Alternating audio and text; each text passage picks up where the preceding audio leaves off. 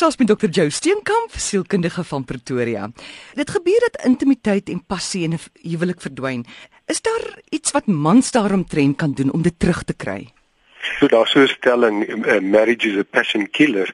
nou, ek wil graag hê ons moet net vinnig na iets kyk. Jy weet gewoonlik ontwikkel 'n verhouding waar twee mense met mekaar begin praat oor dinge wat vir hulle saak maak, ongemak baie keer waardeur hulle is. So hulle deel op 'n dieper vlak, praat nagte deur met mekaar, doen 'n ete saam, kerslig, gesels oor filosofie, stel belang in mekaar se passies en drome.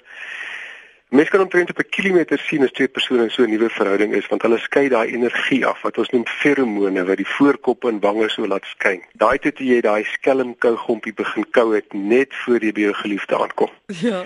So courtship, ek weet nie die presiese Afrikaanse woord daarvoor nie, miskien het jy hom is om daai spesiale goed te doen vir mekaar. Hofmakery. Hofmakery, wonderlik. Dit is wat die passie in die gang hou en dan gebeur daar iets. Verwagtings word geskep. Die druk wat 'n langstaande verhouding dikwels intrap, ons skep verwagtings en ewe skielik kan die ander persoon nie meer aan dit voldoen nie. Kan baie beter werk en ek wil dit graag net beklemtoon as ons alles wat ons ontvang van ons verhouding maat beskou as 'n voorreg en nie reg nie. Anders word dit 'n gevangenskap vir die ander persoon want die voorreg wat nou reg word is iets wat ek aan moet voldoen die hele tyd of ander goeders. Die verwagtinge wat ons het op mekaar het te doen met ons eie interne leemtes en niemand anders kan dit vul nie. Ons projekteer dit op die ander persoon. Ok so die vraag dus wat gevra kan word is doen ons nog daai spesiale dingetjies wat ons oorspronklik gedoen het wat hierdie ding aan die gang gesit Jy weet elke mens loop met 'n storie in hulle wat hulle vir iemand wil vertel, maar iemand wat vir hulle baie spesiaal is en in wie hulle verskil maak wat geen ander persoon in hulle maak nie. So weer is die vraag, wat is die passie wat ons skep om dit te doen vir ons geliefde? En daai klimaat en dit is ongelooflik belangrik en ek het dit op 'n vorige keer al eendag vir jou genoem, moet vry wees van enige oordeel want as mense goeders met ons deel, jy weet hulle deel daai diep goeders, hmm. dan op 'n stadium gaan ons ons gebruik dit teen hulle wanneer ons argument het en dit is soos moord in 'n verhouding. Ons moet wegbly van die oordeel. Daar's 'n baie maklike voorbeeld, dis 'n studie wat ek gou vir jou wil gee. Min of meer in 1969 was daar 'n aardbewing gewees, Tolbag weer is woester omgewing. Hmm.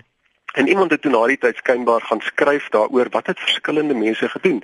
Van die mense was opportuniste, winkelsvensters was uh, bestukkend, so hulle het bietjie geplunder. Daar was 'n voorbeeld van 'n 'n pa wat sy gesin uh, laat vashou het aan mekaar want hulle gedink is die oordeelsdag en gewag vir die proses om klaar te maak. Skynbaar was daar 'n vrou wat in die bad gesit het en die waslap gegryp en uitgehardloop het toe die die die die plafonse mekaar inval en buite op 'n stadium en al die chaos vir 'n polisieman gevra het wat moet sy doen en toe sê mevrou ek jou net daai waslap voor jou gesig en kan niemand sien hoe so mooi lyk dit hier nie. nou die punt van die storie is of dit nou waar is of nie is daar was 'n stimulus wat vir almal min of meer dieselfde was. Dan was daar 'n keuse van 'n respons en ek wil beklemtoon die keuse van die respons wat veroorsaak het dat mense verskillend gevoel het. Die keuse van respons gaan bepaal hoe ons voel. En gebaseer daarop is twee van die beste vrae wat ons onsself kan vra.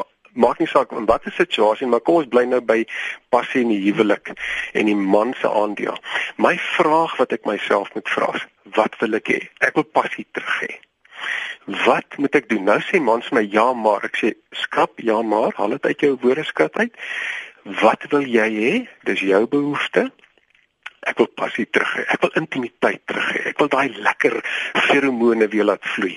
My vraag is wat moet jy doen? En dan sit ons 'n groot punt agter want vorige tye toe ek nog met mans en vroue saam in my my praktyk gewerk het, sal ek vir die man vra, "Wat wil jy hê?" Dan sê hy, "Weet jy, as my vrou net dit en dit doen, dan sal ek vir die vrou vra, dan sal sy sê, "Weet jy, as my man net dit en dit en dit doen."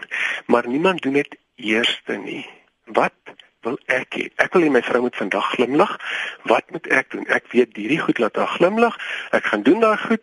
Sy glimlag, ek het verantwoordelikheid vir my behoeftes gevat en so bring ek die passie terug.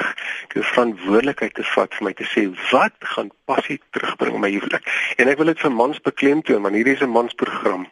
Onthou, passie is nie seks nie. Seksualiteit is deel van passie deel van intimiteit. En so dit gaan nie net daaroor om te dink as ek passie terugbring, spring ek in die bed en ons het 'n wonderlike tyd nie. Skep jy daai klimaat, daai spasie wat jy initieel help skep het sodat jy weer kan terugklim in jou vrou se siel. Daar's so baie met mans gewerk wat initieel in die verhouding het hulle daai sagtheid, daai gentleness. En dan op 'n stadium dan doen hulle goeters, jy weet hulle burp of hulle laat winde uitkom op snaakse plekke. Dit is die ding wat passief wegvat. Bring daai sielsgoeters terug. Doen moeite. Wys vir jou vrou sy is die belangrikste ding en jy sien haar behoefte raak. So passie om dit vinnig op te som? Vinnig opsom is 'n connectedness, is 'n koneksie met jou vrou wat jy vir haar laat verstaan sy is die belangrikste mens en jy maak baie spesiale tyd vir haar. Skep daai spasie, skep daai klimaat. So gesels Dr. Joe Steenkamp, sielkundige van Pretoria en jy kan hom kontak by ship.org.za